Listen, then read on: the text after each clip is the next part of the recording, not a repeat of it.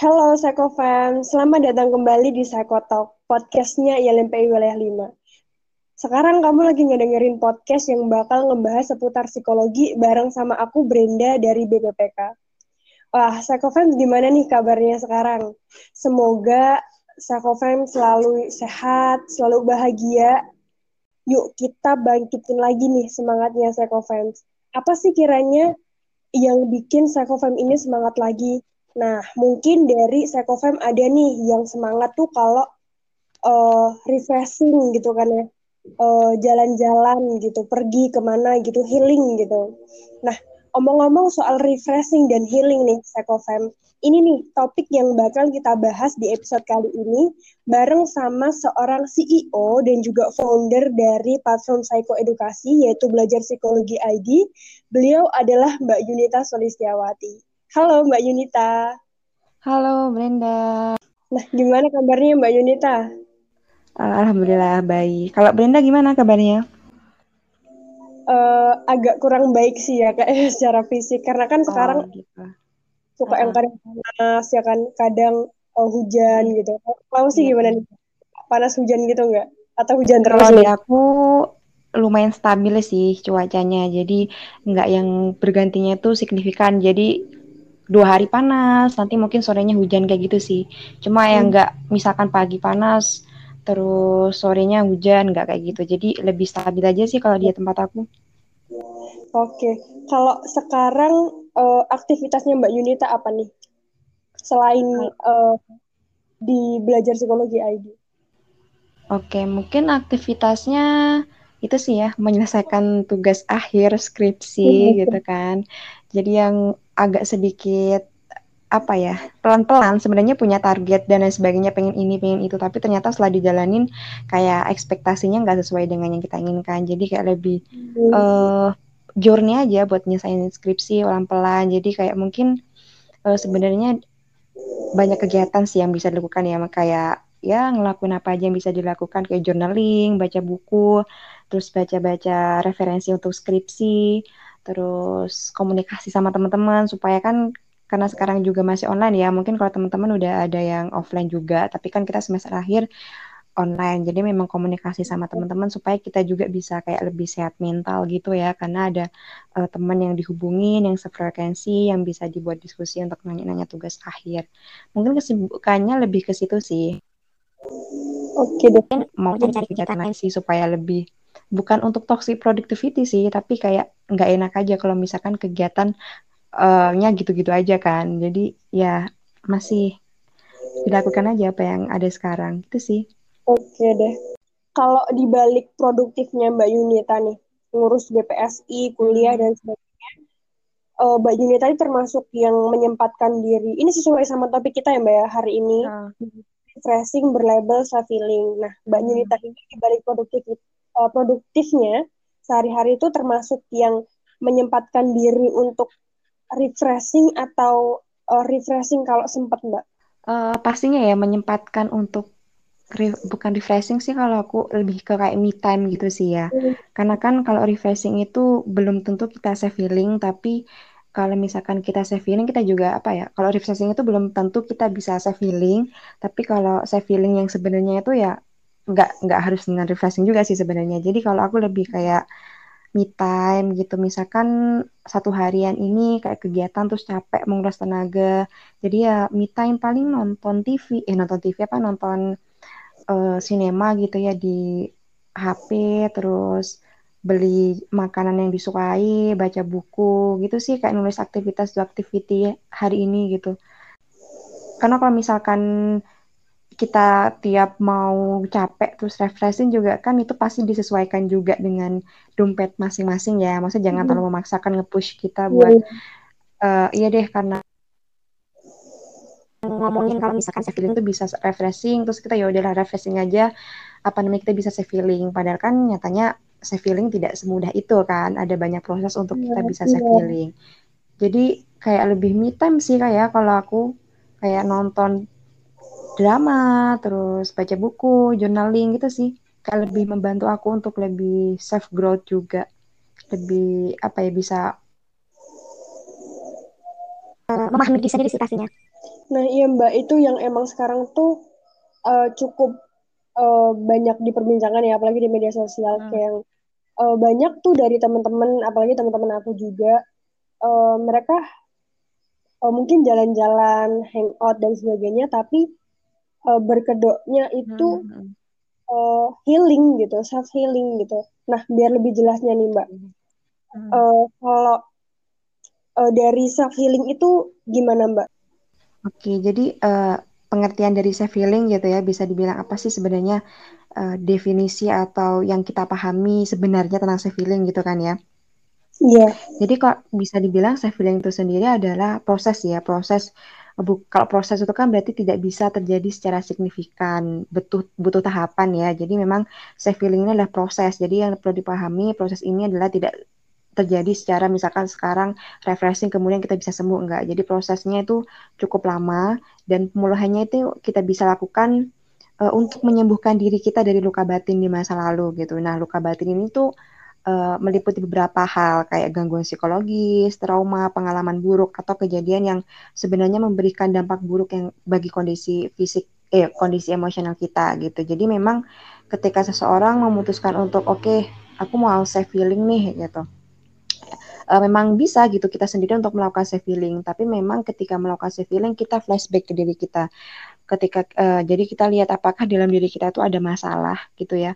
Uh, kita masih punya luka batin di masa lalu yang kita tuh nggak bisa berdamai dengan itu gitu. Misalkan kayak di masa lalu kita pernah trauma kita pernah dibully sama teman-teman kita dan itu memberikan dampak ketika kita dewasa gitu. Jadi mungkin ketika dewasa kita mudah mengalami lelah overthinking cemas yang berlebihan. Nah itu bisa jadi karena masalah trauma yang belum sembuh tadi gitu. Nah kita bisa melakukan uh, yang namanya self healing untuk menyembuhkan diri itu gitu. Jadi memang self healing itu bukan berarti teman-teman penat, kemudian teman-teman apa ya kan ada tugas banyak, kemudian penat oke okay, gue mau self healing nih liburan ke Bali ya. Itu no, itu bisa jadi kamu cuma self healing eh kamu cuma refreshing aja. Kamu uh, untuk me time, untuk break time dari aktivitas kamu untuk menyembuhkan dirimu dari penat yang kamu rasakan. Jadi memang tidak bisa didefinisikan dengan semudah bahwa itu self healing gitu karena ketika kamu cuma merasakan penat aja, kemudian capek dengan tugas menumpuk, kelelahan, nah itu kan bukan berarti kamu punya masalah trauma di masa lalu kan, jadi memang perlu dievaluasi ke diri sendiri. Jadi sebelum memutuskan untuk self healing, memutuskan untuk liburan dengan kedok self healing tadi, flashback ke diri sendiri. Ada nggak sih masalah yang sedang aku rasakan nih? Apakah karena kecemasan ini aku punya trauma di masa lalu yang aku nggak bisa uh, apa namanya nggak bisa berdamai dengan trauma itu gitu. Jadi memang tidak semudah kita mengatakan oke okay, refreshing berarti nanti pulangnya aku bisa sembuh dari masalah aku enggak enggak gitu jadi memang butuh tahapannya hmm. gitu sih berarti uh, healing itu sifatnya yang harus menenangkan ya mbak ya karena iya. hmm. ada mungkin background luka batin gitu kan ya harus tenang sementara kalau refreshing itu kadang kita tuh justru malah nggak tenang gitu ya misalkan yeah. refreshnya itu dengan cara uh, shopping gitu kan. Nah, itu kadang ada juga orang-orang yang shopping tapi berkedoknya tuh tetap self healing gitu kan, atau hmm. self reward. Yeah. Itu justru setelah shopping justru malah tambah stres mbak. Ada juga tuh yang kayak gitu. Karena mungkin saldonya berkurang banyak kayak gitu. Terus sebenarnya kalau eh, tadi kan ada background luka batin tuh. Kalau dari manfaatnya healing sendiri apa mbak? Um, kalau manfaat ya, manfaat dari healing sebenarnya banyak juga sih ya untuk kita ketika kita sudah melakukan self healing yang tepat. Perlu disadari ya, perlu digarisbawahi bahwa ketika kita sudah melakukan self healing yang tepat bukan yang berkedok tadi ya, belanja kemudian berkedok self reward, kemudian rebahan berkedok dengan self apa self care. Nah, itu bukan seperti itu. Jadi self healing itu ketika teman-teman udah melakukan prosesnya gitu, ada tahapannya. Jadi memang setuju banget dengan yang dikatakan Brenda bahwa ketika kita liburan, ketika kita memutuskan untuk self healing dan liburan, itu bukan berarti kita kayak harus eh, apa ya upload di media sosial oke okay, aku lagi di Bali dan sebagainya itu justru kita capek setelah itu jadi kita nggak merasakan uh, suasana liburan itu sendiri gitu. Jadi ketika kamu memutuskan self healing, ya kamu menenangkan, lakukan aktivitas yang sebenarnya mungkin tinggal di Jakarta atau tinggal di kota besar, kamu terlalu banyak untuk melihat orang-orang berlalu lalang. Ketika self healing, kamu coba sendiri, kamu coba lakukan sesuatu yang tidak kamu lakukan ketika kamu berada di kota itu gitu. Nah, jadi kalau kita udah melakukan nih self healing yang tepat, ada beberapa manfaat sebenarnya yang kita bisa rasakan gitu ya. Yang pertama itu kayak kita lebih memahami diri sendiri sih, kayak kita lebih tahu, oke okay, ternyata selama saya feeling lima hari atau misalkan saya feeling berapa hari, ternyata aku lebih tahu kepada diri aku sendiri bahwa ternyata aku sukanya orangnya adalah orang yang suka dengan lingkungan yang nyaman, kemudian lingkungan yang memberikan dampak yang positif gitu. Jadi kita jadi lebih tahu diri sendiri dan nggak mudah insecure juga sih dan nggak mudah membandingkan sama orang lain gitu ya pastinya. Kemudian ketika kita udah self feeling, kita lebih menganggap bahwa masalah ya luka yang kita alami itu adalah bagian dari kita gitu. Kita akan mulai menerima apa pun masalah yang kita alami dulunya. Misalkan kita pernah dibully nih sama teman satu sekolah jadi ketika sudah saya feeling kita udah menerima oke okay, nggak apa-apa karena aku udah dibully itu adalah bagian dari hidupku. Jadi nanti ketika next time atau misalkan aku punya keturunan, berarti aku harus mengajarkan pada mereka untuk tidak melakukan hal yang sama karena aku pernah merasakan ini dan nggak enak dan itu berdampak pada kondisi psikologis aku saat ini gitu. Jadi kita mulai berdamai dengan masalah yang kita alami, lebih menerima diri kita sendiri eh, dan kemudian kita bisa mengelola emosi kita sih kita bisa mengetahui sebenarnya perasaan apa sih yang sedang kita alami. Aku tuh orangnya kayak gimana? Lebih menerima diri ya. Menerima itu bukan hanya kelebihan tapi kelemahan. Jadi kayak oh, oke okay, ternyata aku tuh orangnya mood-mood. Aku tuh orangnya uh, suka pilih-pilih makanan atau lain sebagainya. Tapi dengan kelemahan itu apa yang perlu aku lakukan? Kalau aku mut-mutan berarti aku nggak boleh nih ngobrol dulu sama orang karena kalau pas aku mut-mutan dan aku ngobrol sama orang, nanti jatuhnya malah nggak objektif gitu. Jadi kita saya feeling itu jadi menemukan solusi atas kelemahan, masalah yang kita hadapi, perasaan emosi negatif yang kita rasakan, kita tuh lebih eh, bisa menerima itu dan bisa mencari solusi. Dan jadi ketika kita setelah saya feeling ada banyak emosi-emosi positif yang kita bisa rasakan gitu ya. Dan itu juga meningkatkan sih hormon endorfin atau hormon kebahagiaan kita. Jadi kalau misalkan teman-teman udah melakukan self feeling yang benar, ketika pulang kalian tuh udah apa ya merasakan bahagianya tuh meningkat gitu. Jadi mudah bersyukur, lebih bersyukur, bahagianya meningkat. Jadi lebih apa ya, lebih memberikan efek positif sih pastinya kepada diri sendiri. Itu self feeling. Jadi baiknya karena self healing ini mencari ketenangan, baiknya itu nggak cuma sehari ya Mbak, bahkan beberapa hari gitu ya. Hmm. Kalau untuk durasinya sendiri adalah kita sendiri kan yang tahu ya sebenarnya diri kita seperti apa. Kalau misalkan memang satu hari, tapi nggak mungkin ya kalau misalkan satu hari mungkin 3 sampai lima minggu dan bahkan satu eh 3 oh. sampai lima hari bahkan minggu ya kita bisa melakukan hmm. hal itu secara uh, apa namanya opsional secara kontinu gitu kan. Karena menurut aku kebiasaan yang baru dibangun satu hari itu kan nggak mungkin bisa nah, ya, jadi memang perlu dilakukan berulang-ulang. Jadi kalau mau saya feeling ya mungkin tiga lima hari cari staycation yang memang benar-benar tepat lah ya di mana kalian bisa menuangkan apa yang ingin kalian lakukan. Oke. Okay. jadi emang uh, perbedaan self healing sama refreshing gitu kalau menurut aku cukup tipis ya Mbak. Makanya banyak uh, orang-orang di luar sana yang menganggap bahwa refreshing itu termasuk dalam self healing dan ternyata itu definisinya sendiri sedalam itu gitu loh perbedaan antara nge-refresh atau iya. mungkin jalan-jalan gitu karena kepenatan kuliah mungkin kerja sama yeah. uh, self healing di mana self healing ini untuk uh, berdamai ya dengan luka batin gitu. Nah, iya benar uh, kalau self healing ini untuk berdamai dengan luka batin, luka batinnya ini apakah selalu yang uh, ada trauma di masa lalu, Mbak? Hmm.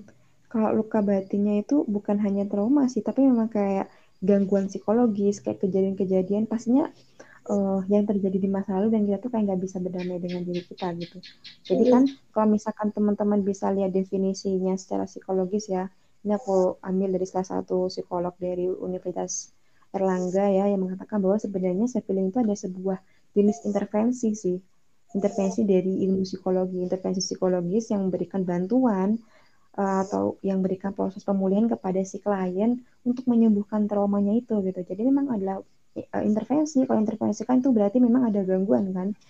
Gangguan psikologis yang dialami oleh seseorang gitu. Jadi memang kalau teman-teman nggak bisa mencari definisinya secara detail ya mungkin kita akan salah kaprah ya menyamakan bahwa oke okay, refreshing itu sama itu sama self healing padahal beda banget gitu. Kan tadi kan udah Brenda katakan bahwa refreshing itu kan bisa jadi kita hanya menghilangkan penat kita ingin apa ya menghilang sebentar gitu dari kepenatan kota atau misalkan kepenatan hidup kita atau misalkan kerjanya yang menumpuk kita ingin hilang sebentar. Tapi kalau saya pilih nggak hanya sekedar itu gitu. Karena saya feeling itu bukan berarti kita pulang kita bisa nggak nggak apa namanya kalau refreshing itu kan kita balik perasaan kita tak sama aja ya kita tetap dapat tugas yeah. nih kita kita refreshing kita menghilangkan penat ketika pulang kita bisa aja tuh merasakan penat lagi tapi pas saya feeling itu enggak saya feeling itu yeah. proses gitu memang uh, dan self feeling itu pun tidak bisa terjadi secara otomatis tadi yang aku bilang ya kalau refreshing oke okay, otomatis kamu satu hari itu bahagia karena kamu bisa jalan-jalan makan-makan tapi pulang kamu akan penat lagi karena kamu nggak melakukan step-stepnya kamu nggak mulai uh, melakukan mengenali diri sendiri kamu nggak mencoba untuk melakukan aktivitas yang kamu tidak lakukan sebelumnya. Jadi memang kalau misalkan saya bilang kamu lebih bisa apa ya lebih bisa mengenal diri kamu sendiri sih pastinya. Jadi memang ada perbedaannya di situ gitu. Dan apa namanya poin penting dari self healing itu adalah tidak tidak terjadi secara signifikan kamu langsung bahagia enggak jadi memang ada prosesnya tadi yang aku bilang gitu kan. Jadi makanya memang self healing itu nggak bisa cepat harus ada tahap-tahapannya dan lama. Tapi memang dampaknya positif gitu bagi kita. Makanya kalau orang mau kasih feeling itu bukan berarti kayak mahasiswa ya. Mahasiswa liburan satu minggu kemudian libu, eh, liburan satu dua hari mereka bilang saya feeling. Ketika pulang mereka dapat tugas kuliah lagi. Mereka Oh, jadi kok saya feeling ya fokus nih untuk oke okay, aku uh, ke sini aku saya feeling aku punya agenda yang akan aku lakukan. Satu hari ngapain aja gini gini gini. Ketika kamu pulang ketika meskipun kamu dapat tugas menumpuk pun emosi kamu akan stabil gitu. Karena memang kamu udah menyembuhkan luka-luka itu uh, apa namanya kamu rasakan itu di self healing ini. Dan self healing tadi kan aku bilang bahwa menyembuhkan trauma itu ya kondisi psikologis. Dan juga self healingnya adalah jenis intervensi. Jadi memang poin pentingnya adalah uh, kondisi psikologis dan trauma tadi sih. Mungkin kalau refreshing kondisi psikologis juga ya, tapi kan yang tidak mendalam, yang tidak kita alami yang sampai mengganggu aktivitas kita gitu loh. Kan kalau iya. mahasiswa stres kan wajar ya, maksudnya karena tugas menumpuk itu kan emosi wajar yang kita rasakan apa tugas menumpuk kita stres. Jadi kalau saya feeling itu kan lebih kondisi psikologis yang lumayan berat yang mengganggu aktivitas psikolo eh, aktivitas keseharian kita sih. Gitu sih. Berarti uh, refreshing itu lebih tepatnya dilabeli sebagai self reward nggak sih Mbak? Kalau nggak sesuai sama nama self healing gitu.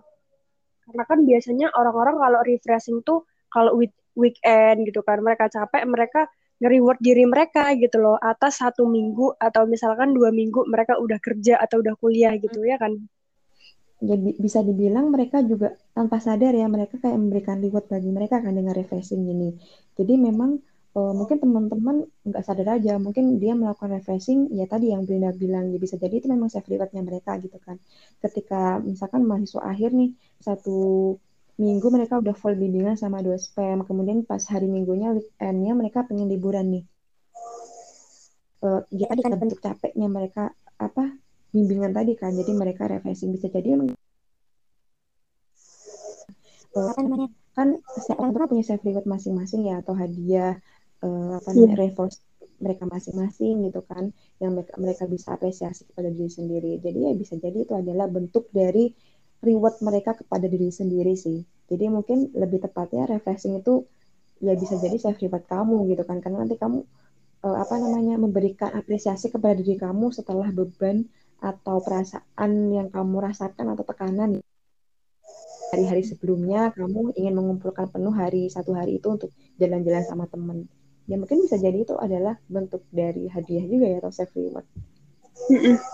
Nah, kalau tadi Mbak Yunita sempat nyinggung nih soal step self healing. Nah, stepnya tuh apa aja Mbak untuk hmm. self healing sendiri?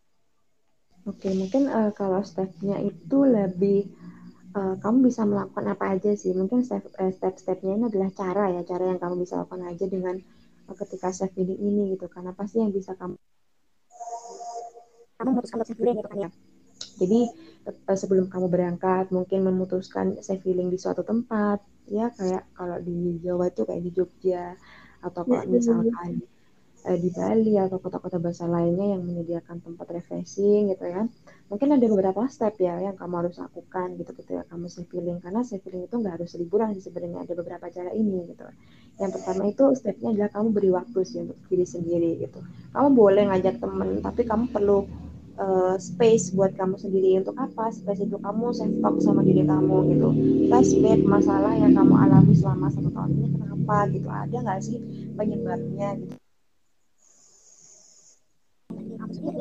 Kemudian kamu banyak ngobrol banyak lihat apa sih yang kamu ingin dapatkan di tahun kemudian. Ada karya solusi yang ingin kamu capai Kemudian cara lain yang bisa kamu lakukan dengan healing itu bisa nih kamu juga melakukan olahraga rutin ya, karena olahraga itu juga bisa membantu kita untuk lebih sembuh atau lebih bersih hati, eh, diri kita gitu kan. Jadi ketika kamu refreshing pun bukan serta kamu jalan-jalan ke A ke B, tapi kamu bisa olahraga di suatu apa ya kayak orang tuh nginap gitu ya bisa olahraga. Kemudian juga bisa stepnya itu dengan nulis jurnal sih kamu bisa menuliskan kayak perasaan yang kamu rasakan jadi kalau nulis jurnal itu lebih kita tuh mengungkapkan perasaan kita tuh dalam bentuk kata-kata. Mungkin orang yang nggak bisa ngobrol atau nggak bisa menceritakan masalah yang dialaminya ke orang lain kamu bisa coba pasif feeling ini dengan menulis jurnal.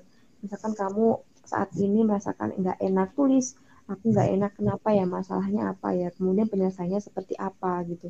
Kemudian masalah emosi-emosi yang kamu sering kamu munculkan itu apa aja. Nah dari save uh, journaling itu kan kamu bisa lihat oh ternyata aku tipe kalnya orang yang seperti ini loh. Jadi kamu bisa face oh aku tahu nih kenapa orang-orang uh, jadi lebih suka sensitif sama aku ya karena orangnya kayak gini. Berarti memang harus ada yang uh, di, di apa ya dievaluasi dan di, diberikan solusi atas atas kepribadian yang aku miliki sifat yang aku miliki ya. Uh, kemudian jika memang kamu uh, stepnya itu tidak bisa ketika udah melakukan step tadi ya kamu tetap apa ya kembali kepada luka batin kamu, kamu tetap merasakan sesuatu yang buat kamu cemas, kemudian overthinking, kamu bisa minta nih bantuan sama profesional, khususnya psikolog ya. Kamu bisa tanyai, kenapa ya? Uh, kok aku akhir-akhir ini sering banget mikirin sesuatu yang nggak penting, aku akhir-akhir ini sering banget overthinking gitu ya.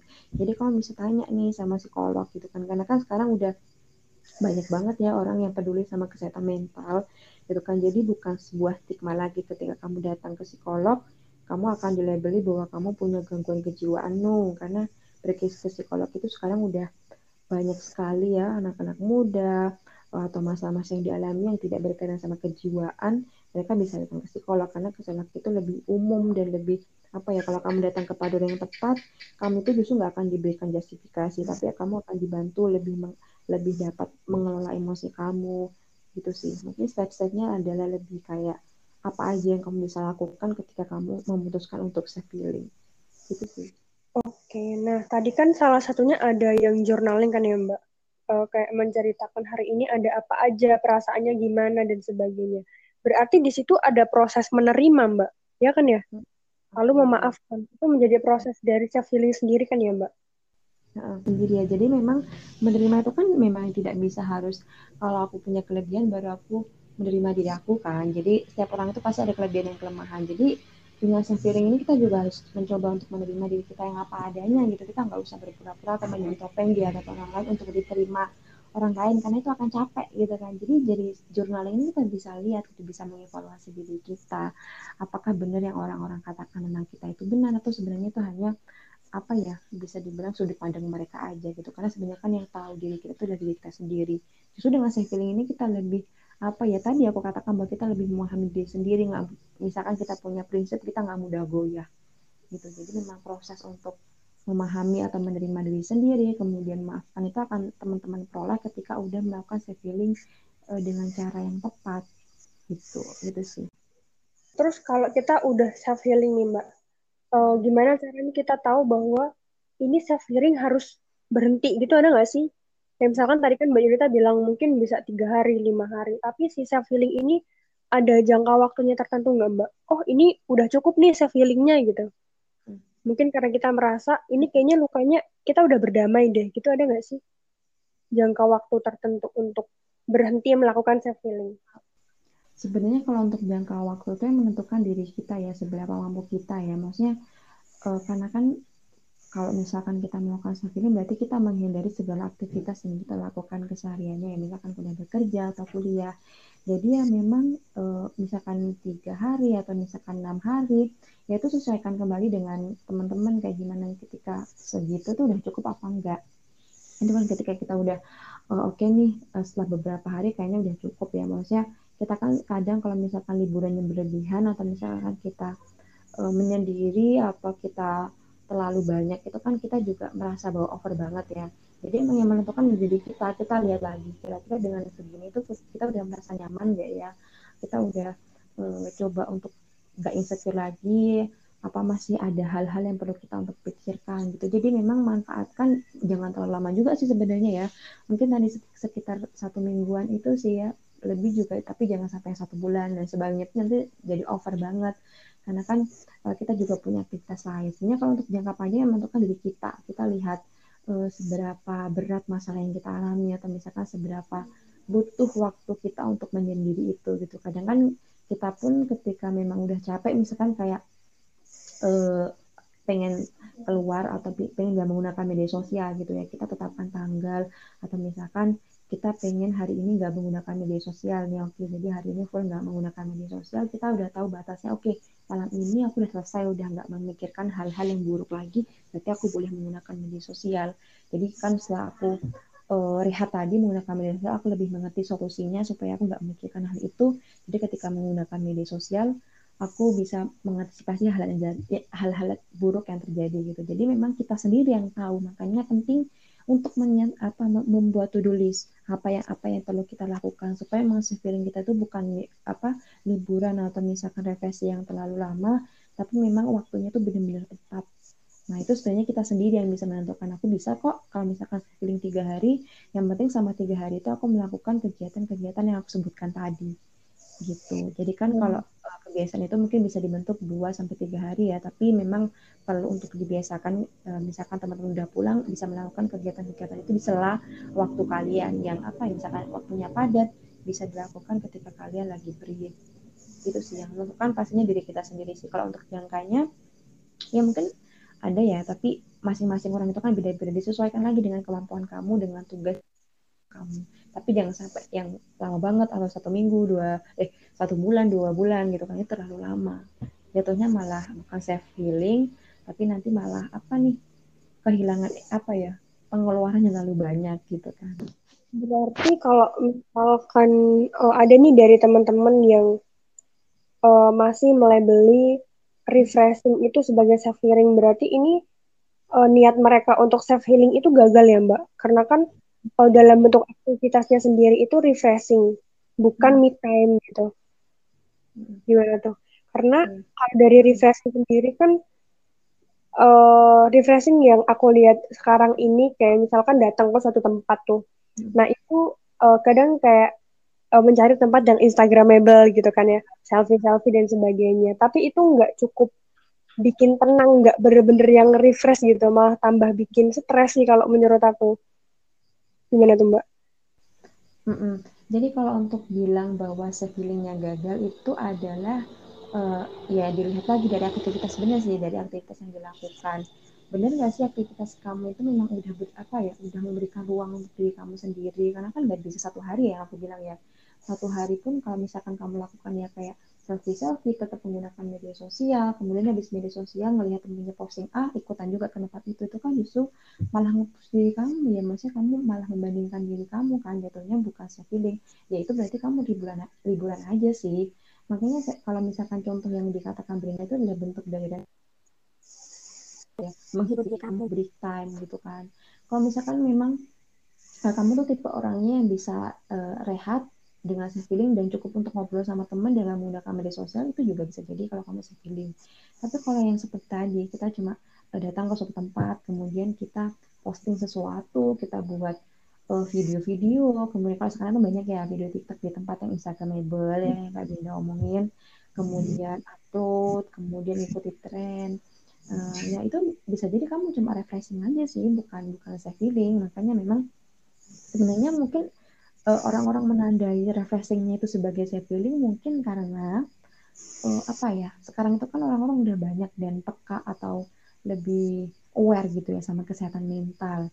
Dan mereka juga kan kalau misalkan mahasiswa psikologi pun mungkin ada gitu yang mengatakan bahwa refreshing ini self healing karena mereka tidak me, apa memahami uh, apa namanya definisinya kemudian self healingnya itu seperti apakah mereka nggak uh, apa namanya me mencari itu secara dalam gitu. Makanya mereka cuma tahu ya di atasnya doang. Nah makanya kita sebagai mahasiswa psikologi kita perlu memberikan edukasi mengenai bahwa tidak semua sesuatu yang kita lakukan di bulan yang kita lakukan itu namanya self healing. Yaitu berarti kalau kamu refreshing ya refreshing aja. Kalau misalkan tujuan kamu untuk buat video kamu untuk ngumpul hangout sama teman-teman itu nggak nggak healing gitu. Kamu pulang juga kamu bakal capek lagi stres lagi gitu kan. Kamu akan hmm kan. Diri kamu kok kamu liburannya kurang jauh kok liburannya di tempatnya yang biasa aja. Itu kan justru kamu membandingkan. Gitu. Jadi makanya perlu dipahami kalau refreshing itu ya kamu cuma menghilangkan penat aja. Tapi kalau yang benernya safe feeling ya udah aku katakan tadi. Makanya perlu diketahui sih dan perlu dipahami buat teman-teman nih. Kalau mau safe feeling beneran dan kamu merasa bahwa diri kamu perlu untuk diobati ada trauma yang mendalam cobalah melakukan safe feeling dengan dengan tahap-tahapannya tadi gitu ya membuat journaling dan tanya diri sendiri gitu. Karena self healing itu tidak ditentukan dari seberapa jauh kamu refreshing karena di rumah aja kamu bisa self healing loh. Misalkan liburan atau setiap weekdays dari Jumat Sabtu Minggu kamu bisa kok self healing nggak perlu liburan gitu. Jadi makanya mungkin itu sih kalimat-kalimat refreshing kemudian atau misalkan kamu jalan ke mana kemudian captionnya self healing itu bisa uh, coba diubah gitu. Beneran self feeling enggak gitu. Kalau misalkan kamu justru pulang bokek di mana orang tua self feeling kan namanya. Itu ya fast lagi izin orang tua. Jadi maksudnya oh, iya. uh, definisinya perlu dipahami secara mendalam sih gitu. Karena nggak banyak juga. Mungkin orang-orang mendefinisikannya hanya dari ya permukaan luar ya. Kayak melihat orang itu melihatnya dari covernya aja. Dia nggak melihat dari dalamnya. Itu kalau dia melihat dari dalamnya mau belajar belajar lagi temukan cara self healing yang tepat. Definisi self healing yang tepat itu seperti apa? Gitu sih Brinda oke okay, nah di samping self healing nih mbak karena oh, tujuannya untuk berdamai sama luka batin itu bukankah alangkah lebih baiknya kalau dia ini juga pergi ke profesional mbak? Psikolog gitu misalkan. Ya gak sih? Ya gak sih? Iya benar Uh, jadi uh, tadi kan aku sampaikan bahwa step-stepnya itu kalian bisa pergi ke psikolog gitu. Jadi memang kalau kalian merasa bahwa dengan mengikuti step-step tadi dengan self healing sendirian itu nggak bisa membantu kalian, tetap aja kalian insecure, tetap aja kalian overthinking, cemas yang berlebihan. Nah itu salah satu tandanya bahwa kalian butuh pihak profesional gitu. Kalian butuh untuk dibantu, uh, ditanyain sebenarnya kamu benar melakukan self healing dengan tepat atau enggak. Kadangkala kita udah memutuskan self healing, tapi kita masih kayak aktif media sosial atau kita melihat oh, postingan orang lain di media sosial. Nah itu membuat self healing kita yang udah apa ya, yang udah setengah jalan justru cemasnya kembali lagi gitu. Berarti tandanya tuh kamu membutuhkan profesional gitu. Jadi sebenarnya kalau memang bisa dilakukan sendiri nggak apa-apa gitu. Karena beberapa penelitian juga uh, mengatakan bahwa self healing itu bisa dilakukan sendiri dan memang datanya itu 18 sampai 75 persen orang yang melakukan self healing itu berhasil ya melakukan self healing sendiri dan itu berhasil. Tapi kan masih ada 25 persennya yang nggak berhasil atau mungkin 20 persennya yang masih belum optimal gitu ya. Salah satunya itu datang ke profesional. Karena kan kalau datang ke profesional kita bisa diarahkan kita bisa dibantu untuk membukakan gimana caranya untuk self healing yang lebih baik atau misalkan self healing yang tepat untuk kita. Kita bisa di uh, apa ya kalau mungkin kalau kita survei sendiri dan nggak nggak mempan atau nggak berjalan kita lebih subjektif ya mikirnya ke diri sendiri. Tapi kalau datang ke profesional beliau akan melihat sisi kita dari uh, dua sisi sisi dari objektif. Jadi kita bisa memandang diri kita sendiri baik dari pandangan kita maupun dari pandangan orang lain gitu. Jadi kalau misalkan memang self feeling itu kalian udah melakukan dan nggak memberikan dampak apa-apa, jadi memang perlu sih datang untuk eh datang kepada profesional, gitu sih. Nah, ini Mbak, jadi ternyata itu uh, ada uh, selain refreshing yang berlabel atau berkedok self feeling, ternyata ada juga nih Mbak. Kayak yang uh, orang konsumtif tapi uh, kedoknya itu reward ya kan self reward tapi dia tuh kayak uh, shopping tuh terlalu banyak gitu loh, terlalu konsumtif, terus mager, berkedok self me time. Mbak Yudita pasti juga sering uh, denger juga kan ya, kayak mager banget, tapi selfnya tuh uh, berkedoknya tuh me time, terus kayak ini nih Mbak yang paling sering tuh kayak kedok self love gitu. Dan itu uh, sama aja kayak refreshing yang berkedok self healing gitu. Kita harus memahami definisinya. Nah, jadi itu tuh Sakofem. Jadi uh, refreshing sama self healing itu uh, self healing itu bisa berarti refreshing ya mbak. Kalau refreshing itu belum tentu self healing. Ya, nah untuk self healingnya sendiri itu mungkin bisa dengan cara yang me time itu tadi mungkin dengan journaling, terus hmm. mungkin meditasi dan sebagainya. Oke, okay. nah nih Mbak Yunita terakhir nih buat Psychofam uh, terkait dengan topiknya kita hari ini, apa sih pesan yang pengen Mbak Yunita buat Psychofam terutama tentang self healing ini? Oke, jadi uh, ini manggilnya Psychofam ya buat teman-teman yang penikmat podcastnya dari LMPI ya. Uh, jadi pesan untuk psychofans gitu ya sebenarnya tadi fenomena yang sering terjadi ya yang Prina katakan bahwa kayak me time berkedok, self care, teman ego egois berkedok, self love dan apalagi tadi ya uh, refreshing berkedok, self healing, konstruktif berkedok, self reward gitu itu kan fenomena yang sebenarnya banyak terjadi khususnya kita sebagai generasi apa ya kita generasi Z ya bisa dibilang gitu kan karena apa ya uh, sekarang itu perkembangan teknologi semakin tinggi, kemudian hmm. tidak tidak diimbangi dengan kemampuan kita untuk berpikir, kemampuan kita untuk belajar hal baru. Jadi memang kita mendapatkan sesuatu itu hanya kayak oh ikutan tren atau kan, uh, apa namanya karena memang oh, ini kita ngikut-ngikutin. Makanya mungkin buat teman-teman semuanya ya, apalagi menggunakan istilah-istilah psikologi itu perlu dipahami bahwa apa ya kita perlu tahu sih diri sendiri kita punya batasan. Sebenarnya membatasi kayak kita tahu ini benar refreshing ini benar feeling adalah diri kita. Kita membatasi uh, perilaku-perilaku yang ingin kita lakukan gitu kan. Kayak contohnya me time aja kita rebahan kemudian kita ngomong ke teman-teman kita aku lagi self care rebahannya keterusan tapi dua hari nggak apa-ngapain itu kan kelewatan banget ya.